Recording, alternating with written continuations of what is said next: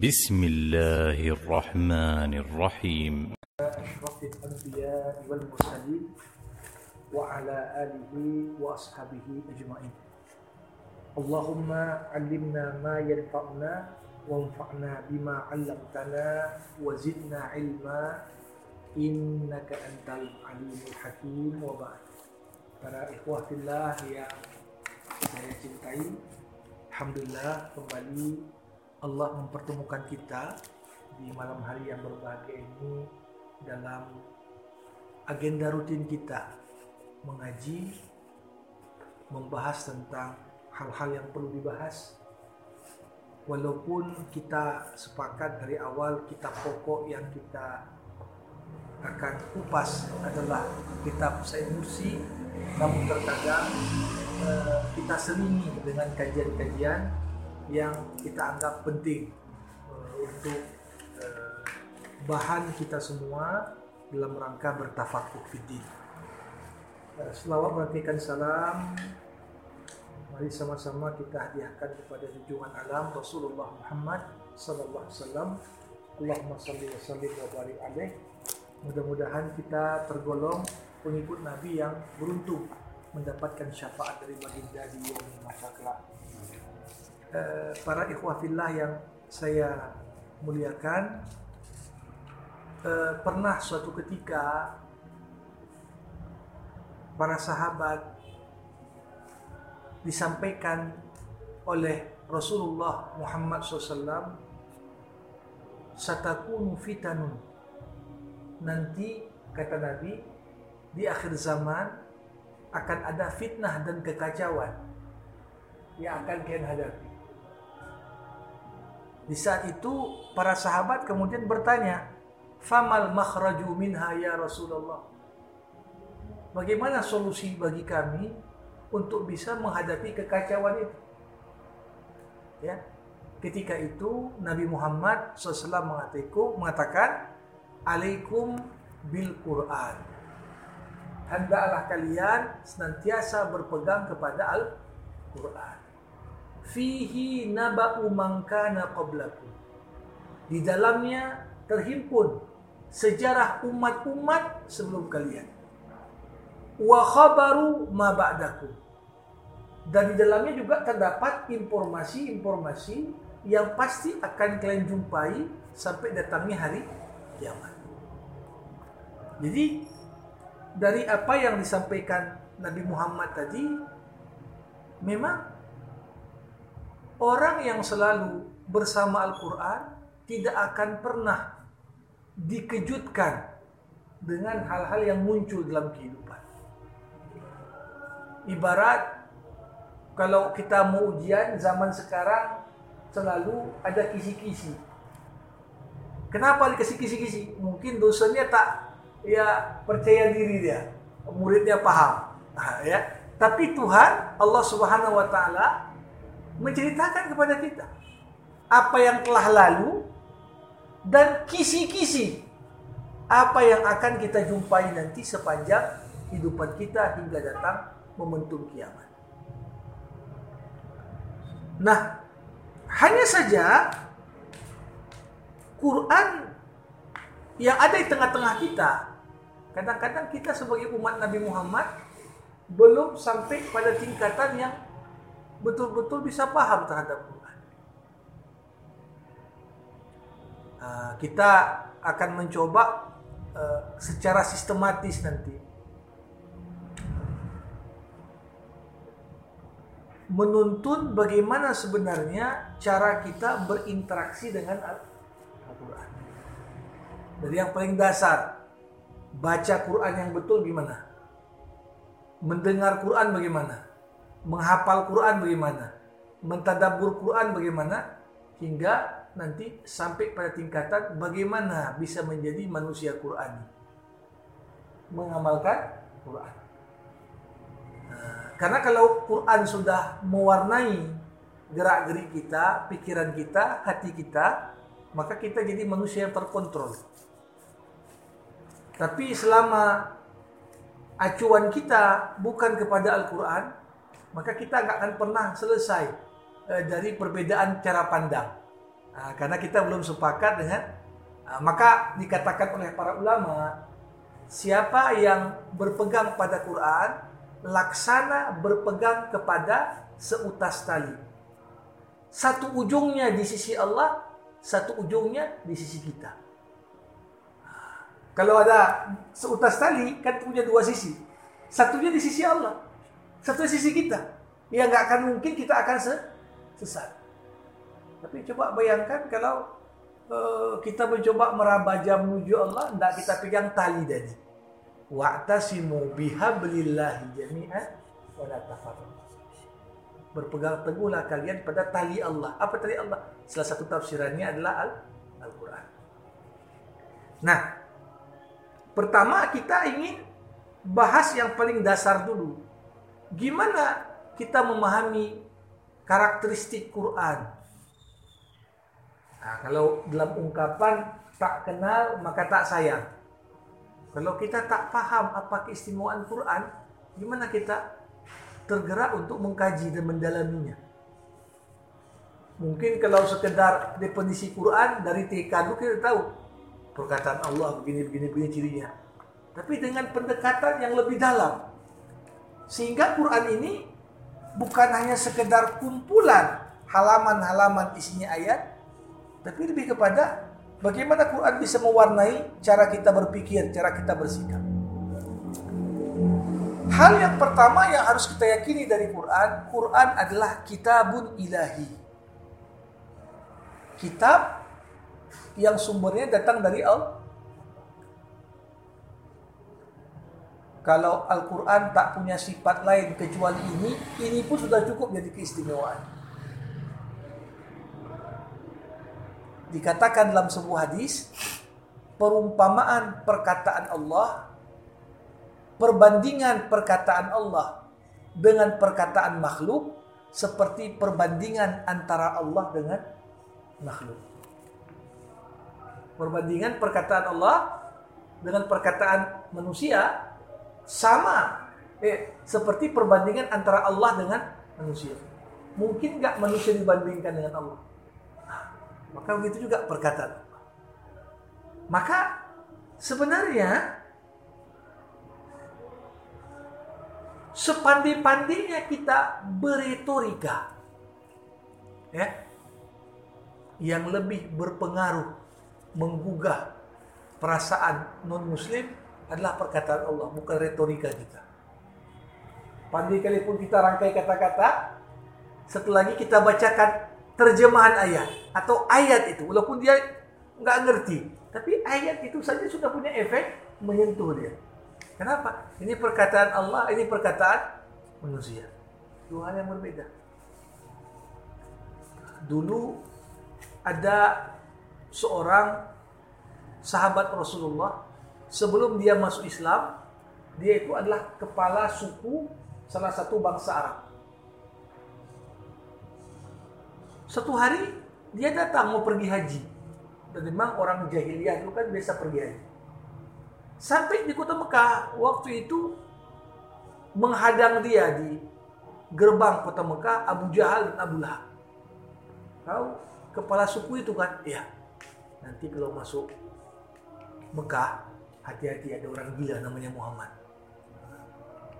Kalau kau dengar nanti ucapan dia, kau kena sihir.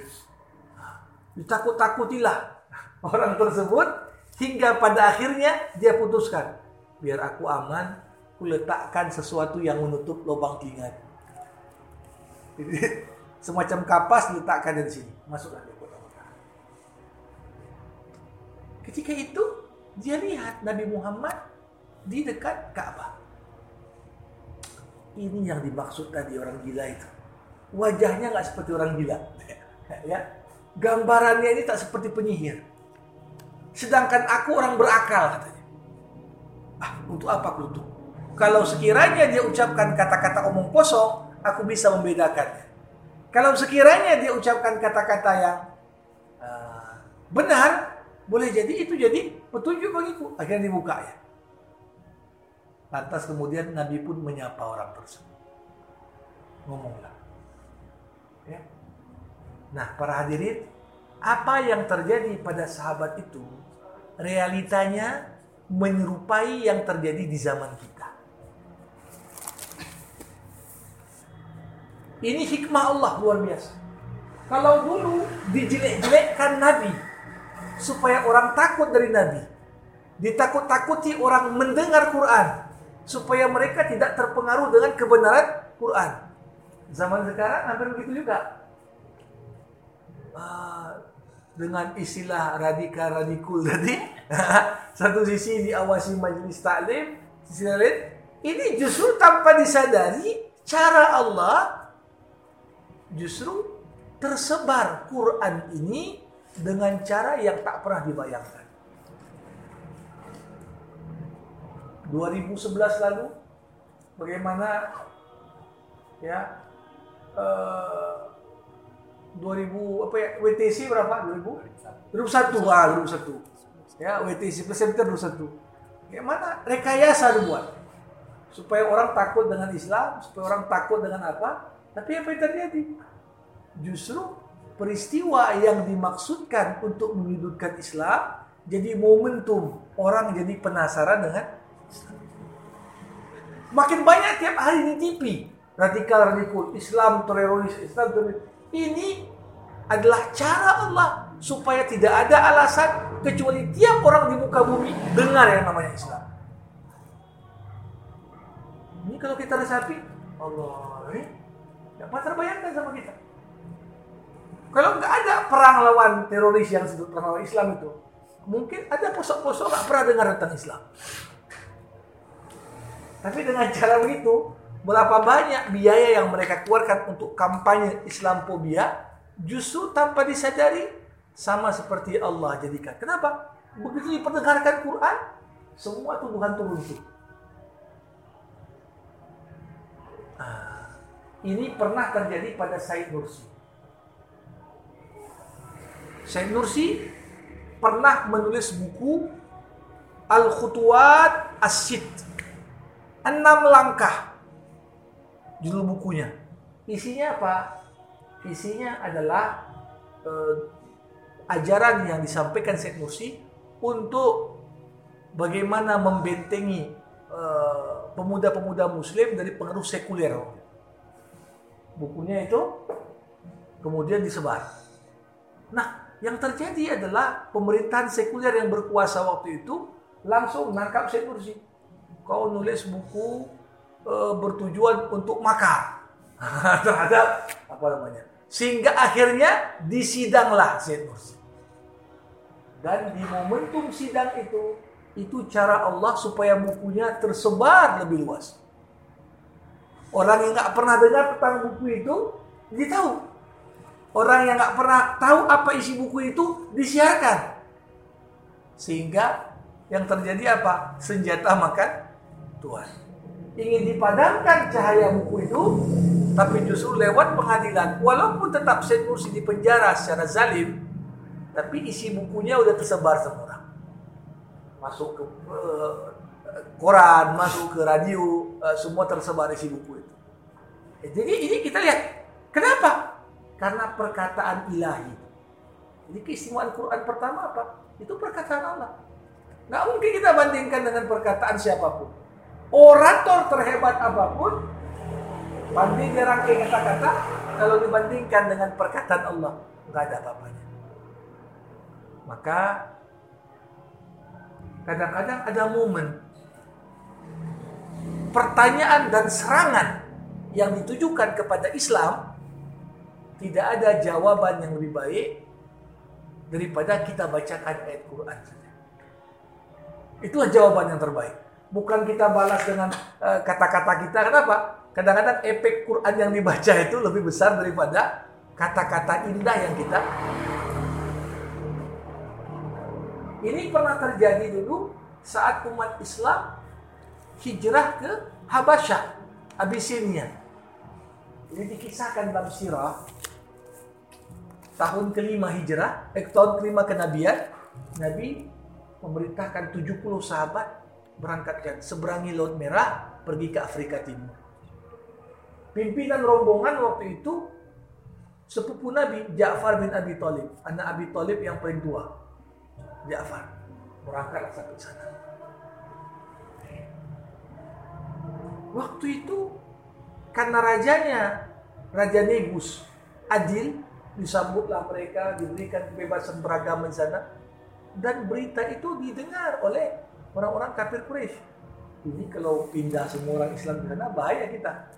Akhirnya diutuslah dua orang juru negosiasi dikirim ke sana supaya apa? Mengembalikan umat Islam yang udah hijrah balik ke Mekah biar bisa disiksa. Dan mereka datang membawa perhiasan yang begitu banyak untuk sombong. Dan rombongan itu dipimpin oleh Amr bin As sebelum dia masuk Islam. Sampai di sana.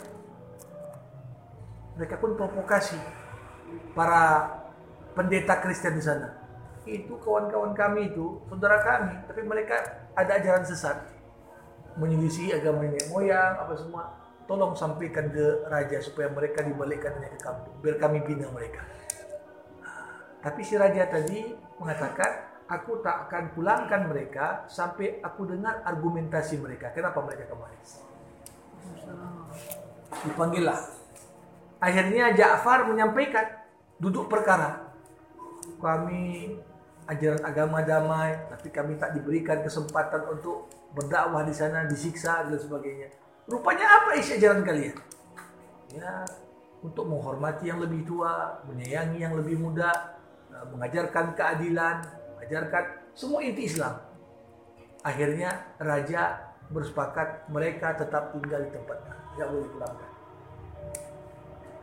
Tapi yang paling menarik apa? Tak menyerah Amr bin As. Di malam harinya berpikir dia, sebelum sebelum aku besok balik ke Mekah, harus ada pukulan TKO untuk orang uh, Muslim ini. Akhirnya dia terpikir, oh orang Islam ini beda sama orang Kristen, cara memandang Maria. Maka dia pun menjumpai kepala pendeta di situ. Itu orang itu nggak mengatakan Maria Tuhan, nggak ngakuinya Maria itu dan sebagainya. Dituduhkannya lah hal yang macam-macam tentang pandangan Islam tentang Maryam. Sehingga ketika itu para pendeta kemudian marah dan memprovokasi raja supaya menghukum mereka. Kalau perlu gak usah pulangkan, hukum aja di situ terus. Karena mereka uh, ingin dikatakan menghina agama uh, Kristen yang mereka anut.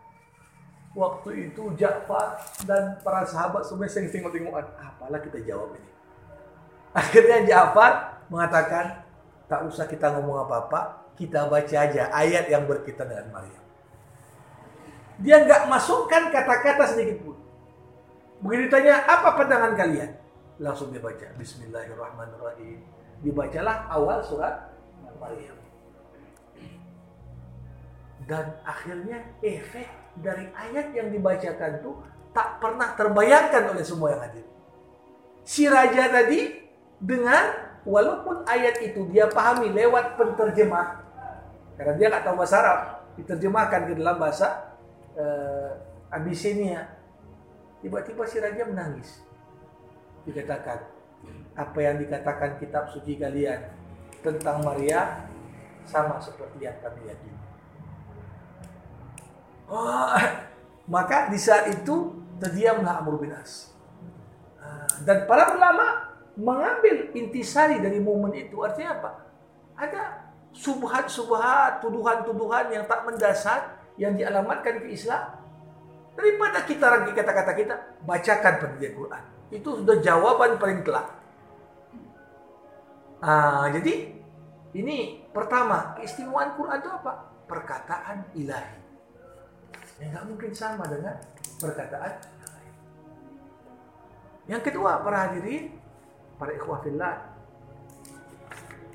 Apa yang membuat Quran itu istimewa? Kita harusnya ya, dekat dengan Quran. Quran ini satu-satunya kitab mahfuz yang terpelihara. Yang terpelihara. Terpelihara dari salah tulis, terpelihara dari salah hafal, terpelihara dari salah terjemah, terpelihara dari salah baris, terpelihara dari segala apa yang dapat merusak makna Al-Quran, Quran terpelihara. Sekarang Quran udah diterjemahkan ke lebih 80 bahasa dunia. Tapi banyak orang tak tahu. Sejarah mencatat terjemahan Quran pertama itu justru pionirnya siapa? Para misionari. Saya pernah buat penelitian tentang uh, khususnya terjemahan Quran ke dalam bahasa-bahasa Afrika. Itu yang justru menerjemahkan siapa? Misionari Kristen. Tujuannya apa? Memurtadkan orang Islam. Yang untuk Islam sengaja diterjemahkan maknanya itu menyimpang, nah, dikasih tahu inilah isi Quran dia untuk bisa mereka serang Quran lewat maka sebenarnya dulu para ulama nggak mengizinkan terjemahan Quran baru ada fatwa membenarkan terjemahan Quran itu di akhir abad ke-19 setelah memperhatikan ini kalau terjemahan Quran ini justru yang mengerjakan adalah musuh Islam apa yang terjadi yang seharusnya maknanya betul diselewengkan kalau bukan umat Islam yang menerjemahkan tafsir Al-Quran, maka selalu dikatakan bukan terjemahan lafaz Quran. Karena lafaz Quran nggak mungkin diterjemahkan. Kayak mana menerjemahkan perkataan Allah? Karena cakupan makna pada perkataan Allah lebih luas daripada langit dan bumi. Makna dalam perkataan Allah. Nah, tapi yang kita terjemahkan apa? Tafsiran terhadap perkataan Allah. Nah, maka membaca terjemahan Quran enggak satu huruf satu kebaikan berbeda dengan membaca bahasa Arabnya walaupun tak ngerti satu huruf sepuluh kebajikan kalau baca terjemahan enggak baru dapat pahala kalau diniatkan menuntut ilmu dan mengamalkan baru dapat pahala nah, jadi ini kitab yang terpelihara dan terpelihara Quran salah satunya adalah kalau kita lihat Bagaimana luar biasanya hafalan kitab satu-satunya yang bisa dihafal. Itu hanya Quran. Coba manusia mengubah satu prosa. Prosa sampai 600 halaman. Satu halaman aja suruh hafal mati. Ini belum tentu kita bisa hafal. Gimana pula dihafal kitab yang proses turunnya sampai 23 tahun ya kemudian saat diturunkan belum tertulis sepenuhnya bisa tidak silap bahkan dalam proses bagaimana Quran dibukukan dibuat standarnya kalau kita baca dengan tentang sejarah bagaimana Quran dibukukan ini memang nampak campur tangan ilahi untuk memelihara Quran tidak bisa lepas apalagi zaman sekarang dengan berbagai kemudahan ada Quran digital, ada aplikasi Quran, ya. Ini sebenarnya cara yang dimudahkan Allah untuk bisa membuat Quran itu lebih dekat dengan. Jadi terpelihara. Dan berkah dari Quran terpelihara, maka bahasa Quran pun ikut terpelihara. Tidak ada bahasa di muka bumi sudah berlalu 14 abad masih sama tata bahasanya kecuali bahasa Arab. Teks ditulis 14 abad yang lalu sampai sekarang masih sama tata bahasa nggak berubah. Kita saja ejaan tahun 60-an sebelum disempurnakan dengan setelah ejaan yang disempurnakan sudah beda. J dulu DJ, Y dulu J, ya kan? uh, C lu TJ kan itu. Orang suruh baca sekarang udah kesulitan ya. Itu baru hitungan puluhan tahun. Belum lagi kalau kita bandingkan gimana uh, puisi ditulis zaman Shakespeare dengan zaman sekarang. Masih sama bahasa Inggris. Tapi kalau suruh orang sekarang coba kau pahami bahasa Inggris zaman Shakespeare, banyak orang nggak paham lagi. Karena itu berbeda tata bahasanya. Tapi kosakata Quran, tata bahasa Quran masih sama. 14 abad. Kenapa bisa? Allah yang ikut memelihara. Maka di sini kalau kita perhatikan problem sekarang ini tidak ada yang memungkiri Quran itu eh, bahasa Arab itu bahasa yang indah. Cuma kenapa penggunaan bahasa Arab itu kurang zaman sekarang? Karena tidak dianggap sebagai bahasa ilmiah. Itu dia. Penemuan baru enggak ada dari Arab. Sehingga tidak dipakai bahasa itu. Tapi kalau orang mencintai kesusastraan, ini sekarang ada berita orang meningkat uh, keinginan orang belajar bahasa Arab di Jepang, di Korea. Mana orang ingin orang tahu bahasa Arab. Indah. Bahkan ada stasiun TV Arab di Jepang dan Korea. Pakai berita yang pakai bahasa Arab. Kita di sini pakai bahasa Mandarin. Ada. Kenapa? Nah, yang sayangnya justru kita yang muslim di sini yang dalam struktur bahasa Indonesia. Serapan kata serapan dalam kosakata bahasa Indonesia. Yang diambil dari bahasa Arab itu tidak mendekati 100 ribu kata. Luar biasa. Pancasila itu aja kalau kita tengok sila 1 sampai sila 5 berapa banyak kosakata diambil dari bahasa Arab? Dari itu. Jadi ini ini sekali lagi semua bahasa yang kemudian diambil dari bahasa Arab mau tak mau kata-kata itu pun jadi abadi. Jadi apa? Abadi. Tidak berubah deh. Dulu ada seorang ulama India namanya Abdul Hamid Farahi. Dia tinggal di India, nggak pernah tinggal di Arab. Tapi semua buku yang dia tulis, dia tulis pakai bahasa Arab. Ditanya sama murid-muridnya ya. Murid-murid tuan ini kan banyak orang India. Kenapa nggak terus pakai bahasa India aja? Kok pakai bahasa Arab? Jawaban beliau apa? Aku ingin kitabku ini abadi seperti abadinya Quran. Maka aku pakai bahasa yang abadi. ini luar biasa. Jadi kalau orang sekarang eh, justru sinis ketika kita mulai memanggil saudara kita akhi memasukkan kosakata Arab dalam peribahasa kita, dalam kata-kata kita. Ini sesuatu yang positif sebenarnya. Kok bukan malah diejek? Ya, nah, kenapa? Ini saya tidak langsung menunjukkan kita sedikit demi sedikit ingin kembali kepada identitas kita. Bukan artinya kita tinggalkan bahasa Indonesia. Karena dalam hakikat bahasa Melayu sendiri pun 100 ribu kosakata lebih diambil dan disadur dari bahasa Jadi ini bahkan kalau kita lihat di era eh, kemajuan umat Islam dulu semua bangsa selain Arab rela mengganti aksaranya menjadi aksara Arab. Walaupun tetap menjaga bahasa masih orang Urdu tulisan Urdu pakai bahasa Arab. Tulisan Persi pakai tulisan Arab. E, Melayu dulu Arab Jawi atau Arab uh, Melayu kan begitu. Begitu juga dengan hampir semua. Turki dulu tulisannya aksaranya Arab. Uh, di masa Ataturk lah dirubah itu semua. Maka dulu kalau dikatakan dalam buku-buku sejarah saat Belanda menjajah banyak orang Nusantara buta huruf. Ini tak betul. Yang betul buta huruf Latin. Tapi bukan buta huruf Arab Melayu. Karena pendidikan di mana-mana ngaji ya tulisan orang pakai Arab Melayu atau Arab Jawi. Ketika dipakai tulisannya aksara dengan bahasa tulisan Rumi katanya, bahasa apa namanya Latin. Nah di sini orang nggak terbiasa.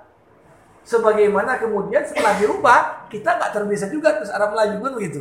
Nah, jadi ini sebenarnya mengkaji Quran maka para hadirin satu sumbangsih Said Nursi yang paling luar biasa terhadap terpeliharanya bahasa Usmani. Kita tahu uh, waktu Kemal Ataturk jadi presiden di Turki itu bukan hanya ajan tak boleh pakai bahasa Arab. Sholat harus pakai bahasa Turki. Fakultas agama ditutup. Bahkan dipaksa orang tak boleh nulis pakai aksara Arab. Tak boleh. Yang nulis pakai aksara Arab, tangkap. Dipaksa. Tapi Said Nursi, walaupun beliau sedang dipenjara, gimana buku itu bisa tersebar ke murid-muridnya? Dia tulis dengan aksara Arab, tapi dengan bahasa Usmani lama. Dia minta kepada semua muridnya kain salin ini di rumah masing-masing. Sehingga orang yang nggak pernah belajar tulisan Arab di sekolah jadi belajar balik tulisan itu. Maka sekarang uh, mulai lagi menggeliat aksara Arab itu muncul lagi di tengah-tengah masyarakat Turki sekarang di balik. Ini artinya apa? Quran bukan hanya maknanya terpelihara, lafaznya terpelihara, tapi semua yang berkaitan dengan Quran tanpa kita sadari mendapatkan sebagian dari keistimewaan keabadian bahasa Al-Quran. Ini. Yang ketiga, Quran itu juga istimewa. Kenapa? Karena Quran kitab yang dimudahkan. Kitab yang dimudahkan. Tidak ada isi Quran yang sulit. Isi Quran gak ada yang sulit. Walaupun kita katakan, aduh, payah kali Ustaz bahasa Arab nih. Kalau bahasa Arab kita pelajari, dipisahkan dari konteks Quran, masih sulit. Tapi kalau belajar bahasa Arab lewat Quran, akan mudah. Akan mudah.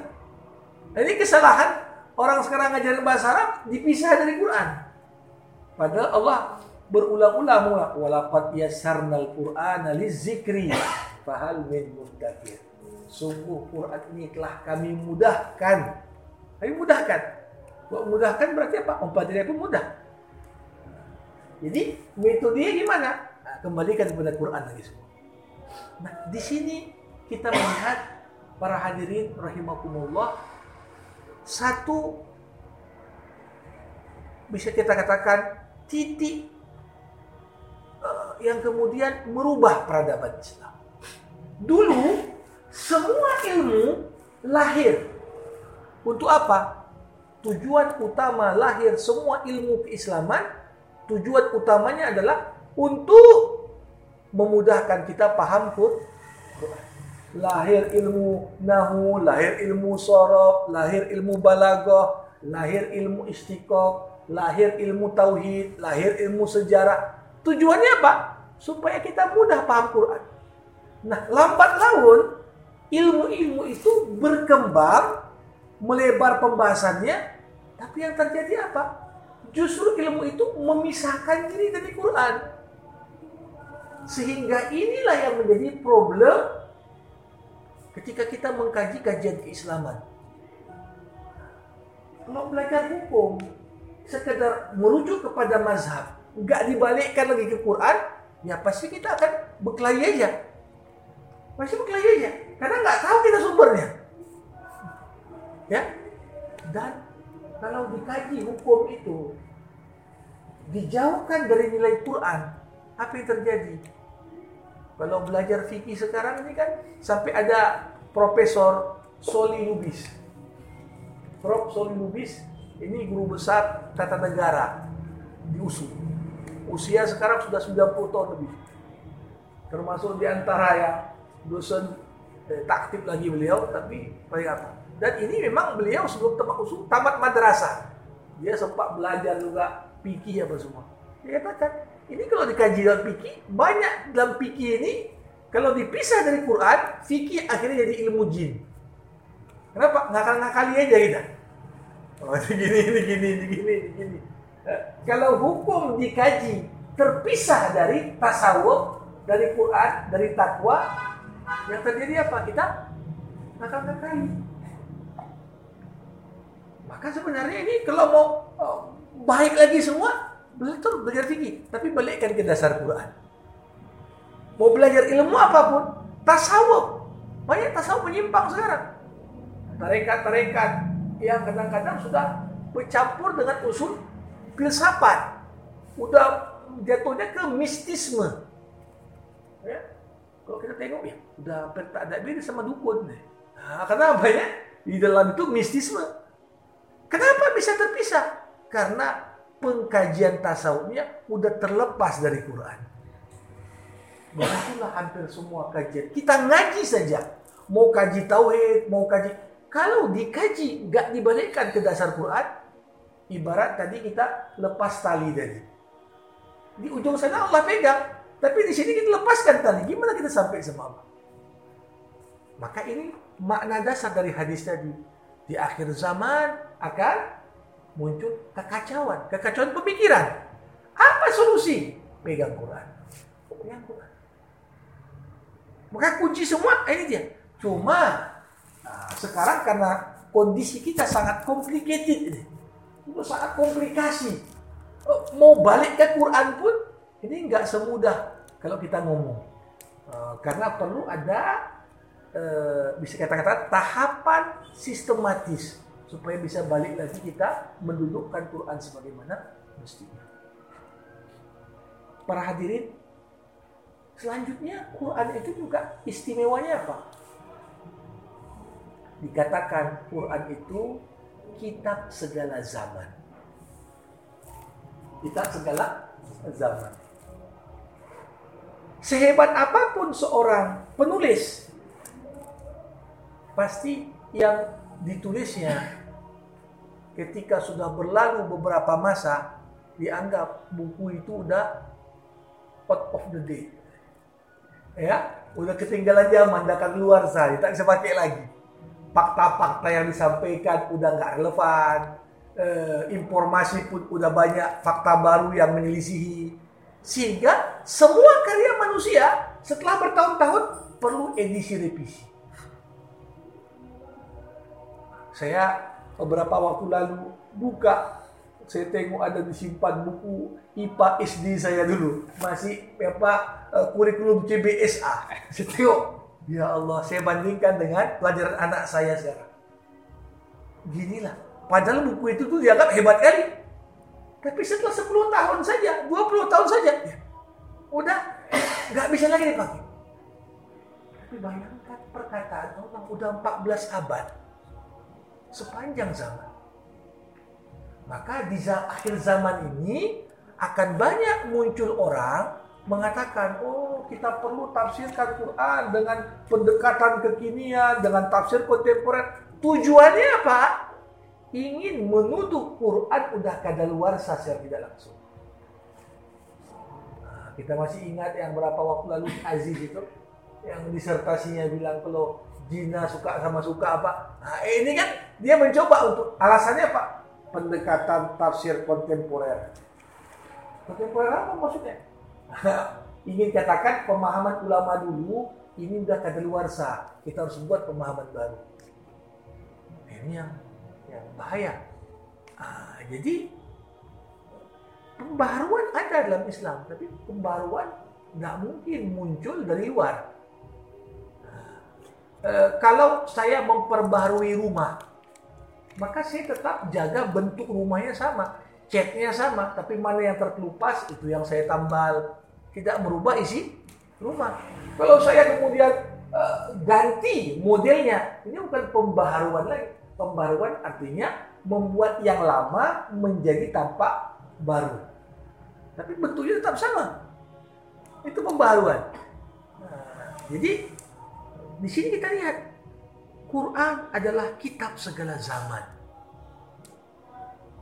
Tetapi Quran bisa ditafsirkan di setiap zaman dengan makna baru. Ini hebatnya. Betul dia kitab segala zaman, tapi para ulama mengatakan sebaik-baiknya penafsir Quran adalah zaman. Waktu itu yang akan menyingkap rahasia Quran. Ada ayat mungkin 20 tahun lalu kita belum mengerti. Tapi 20 tahun kemudian setelah muncul fakta ilmiah yang baru, oh ini maksud ayatnya rupanya. Kalau kita baca beberapa buku tafsir yang ditulis abad ke-7. Itu Imam Qurtubi ini mufassir yang sangat kita hormati. Tapi dia dalam tafsirnya itu mengatakan nggak mungkin manusia terbang. Nah, karena tak terbayang sama dia ada pesawat terbang di zaman tujuh abad yang lalu. Ketika kita baca, ini kan tafsiran manusia. Tapi Quran sendiri ada nggak isi informasinya yang kemudian dikatakan uh, kadaluarsa. Kadang-kadang pemahaman kita ya uh, kita kita memahami dan menafsirkan sesuai dengan konteks pengetahuan kita di zaman tertentu. Nah, jadi ini Quran kita semua sama. Anak kita nanti pun tetap Quran ini yang akan menyinari mereka, kita, ayah kita, kakek kita, tetap Quran ini. Mau diubah bagaimanapun, tak akan bisa berubah. Karena yang menjaga adalah langsung yang menurunkannya itulah Allah Subhanahu wa. Tapi yang paling menarik juga Quran adalah kitab umat manusia semuanya. Walaupun Quran ini banyak manggil orang yang beriman, tapi pertanyaannya, Quran ini turun hanya untuk orang beriman atau untuk semua manusia? Semua manusia. Semua manusia sebenarnya butuh Quran. Perlu Quran. Cuma Allah katakan hudal lil muttaqin. Nah, yang bisa mengambil manfaat dari Quran walaupun turunkan untuk semua orang hanya orang ber, beriman dan bertakwa. Kalau tak ada ketakwaan, kita baca pun tak ngerti dah. Tertutup pemahaman kita. Jadi kita perhatikan bagaimana Quran itu bercerita tentang sifat-sifat manusia secara umum. Mau dia muslim, mau dia non muslim, sifat dasar manusia ada disebutkan dalam Quran. Manusia suka berkeluh kesah, ada. Manusia pelit, ada. Manusia uh, terburu-buru dan tergesa-gesa ada. Manusia suka berdebat ada disebutkan. Semua sifat manusia ada di situ. Dan di situ disebutkan juga gimana kita bisa merubah tabiat dan sifat bawaan lahir. Gimana supaya nggak keluh kesah. Ada obatnya. Illal musallin. Kalau kau sering solat nggak lagi keluh kesah. Ada orang pelit. Sifat bawaan lahir manusia. Semua manusia ada potensi pelit. Gimana obatnya? Zakat. Ada orang terburu-buru. Apa obatnya? Ah, disuruh bersabar, disuruh uh, tenang, tidak terburu-buru. Ada sifat suka berdebat. Apa obatnya? Jangan ngomong yang kau tak punya ilmu, kata Allah. Karena kadang-kadang kita ini kenapa berdebat lama? Karena berdebatnya tak pakai ilmu. Nah, ini dia debat kusir. Nah, ngomong aja tapi tidak ada isinya. Jadi ini sekali lagi. Kemudian yang terpenting adalah Quran kitabun mu'jiz. Satu-satunya kitab yang jadi mukjizat. Kitab lain tidak ada mukjizat. Ini aja mukjizat. Nah, ini apa konteksnya dengan kita saat ini? Saya sering mengatakan begini. Makin lama seorang penulis menyelesaikan buku yang ditulisnya, makin rancu isi tulisannya bab per bab. Kalau saya tulis buku, berapa lama saya nulis? 23 tahun. Ya, saya kadang-kadang pas nulis bab kedua udah lupa saya isi bab satu. Sehingga kalau semakin lama kita nulis buku, makin banyak kontradiksi antar bab. Kenapa? Gak mungkin orang ingat tuh siapa yang tulisnya udah lupa gitu saya lagi ulang kadang-kadang uh, tapi lihat Quran kalau Nabi Muhammad yang tulis pasti isi Baqarah bertentangan dengan Nisa isi An-Nisa bertentangan dengan Ali Imran isi Ali Imran bertentangan dengan An-Nas isi An-Nas bertentangan dengan yang lain Tuh tiga tahun pula lama kan itu paling lama orang tulis buku ya berapa tiga tahun empat tahun penelitiannya dan itu pun mungkin judul perbabnya beda-beda kan gitu. Ini satu kesatuan, nggak bisa dipisahkan. Tapi tak ada kontradiksi. Ini pun tanda kemujizatan. Mau kita kaji aspek kemujizatan Quran, tidak ada habisnya. Tidak ada habisnya. Ibarat makin kita gali, kita akan temukan hal baru. Dulu para ulama mengatakan kemujizatan Quran itu hanya pada bahasanya berkembang. Kemujizatan fakta sejarah dalam Quran. Kemujizatan angka dalam Quran. Kemujizatan hukum dalam Quran. Kemujizatan setiap aspek dikaji muncul hal baru. Muncul hal baru yang makin membuktikan Quran ini adalah sebuah mukjizat. Nah, jadi apa pun uh, yang kita kerjakan Pertama, tanamkan kesadaran akan peristiwa Quran. Sehingga kalau kita lihat dulu para sahabat Nabi, mau apa pun dia, yang ditanya para sahabat Nabi adalah Quran. Quran. Ini kunci. Mau kita berubah, rubah hidup kita, meriset kehidupan diawali dengan Quran. Meriset hubungan kita dengan Quran. Kalau hubungan dah baik, insya Allah yang lain akan baik. Kalau dengan Quran masih ada problem, berarti masih ada kendala bagi kita untuk uh, mencoba untuk merubah hal-hal yang mungkin kita apa. Nah, insya pada pertemuan berikutnya nanti kita masuk kepada bagaimana kita membaca. Kemudian bagaimana kita dengar. Sehingga dengarnya bukan sekedar dengar, tapi dengar yang menggetarkan jiwa. Berubah kita ketika mendengar. Ini berapa banyak masjid putar kaset berkumandang kelenturan, tapi kita biasa saja. Tapi ketika kita tanya sama non muslim, ada yang justru masuk Islam gara-gara dengar. Loh, kok lebih sensitif hati non muslim daripada kita? Apa yang salah sama kita? eh, nah, ini kan berarti ada sesuatu. Kok ada non muslim bergetar hatinya dengar azan? Kita dengar azan biasa saja. Nah, apa yang salah ini? Tadabbur begitu juga, mengamalkan juga.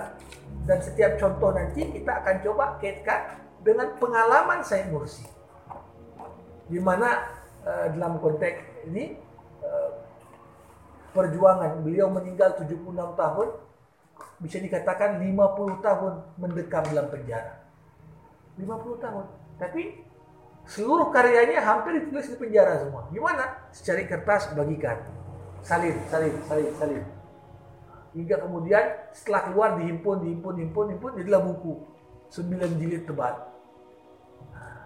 Memang kalau kita baca kadang-kadang kita bingung. Ini keterkaitan antara bab ini kadang-kadang tidak nyambung. Nah, tapi eh, setiap risalah surat yang ditulis ada keterkaitan karena tujuan akhir dari Said Nursi menulis itu? Apa motivasi Said Nursi menulis bukunya tafsir Quran ini? Beliau membaca di sebuah surat kabar William Gladstone. Waktu itu William Gladstone ini adalah Perdana Menteri Inggris saat uh, Perang Dunia Pertama. William Gladstone memegang Al-Quran di depan parlemen Inggris kemudian dia campak Quran begini, selama Quran ini masih dalam hati umat Islam, kita tak akan bisa jejak mereka. Setelah membaca surat kabar Inggris itu, apa kata Syekh Nursi? Aku wakafkan diriku supaya tetap menjaga Quran dalam hati umat Islam. Kayaklah benteng kita. Karena musuh tahu, selama hati ada Quran, nggak mungkin kita dicuci otak.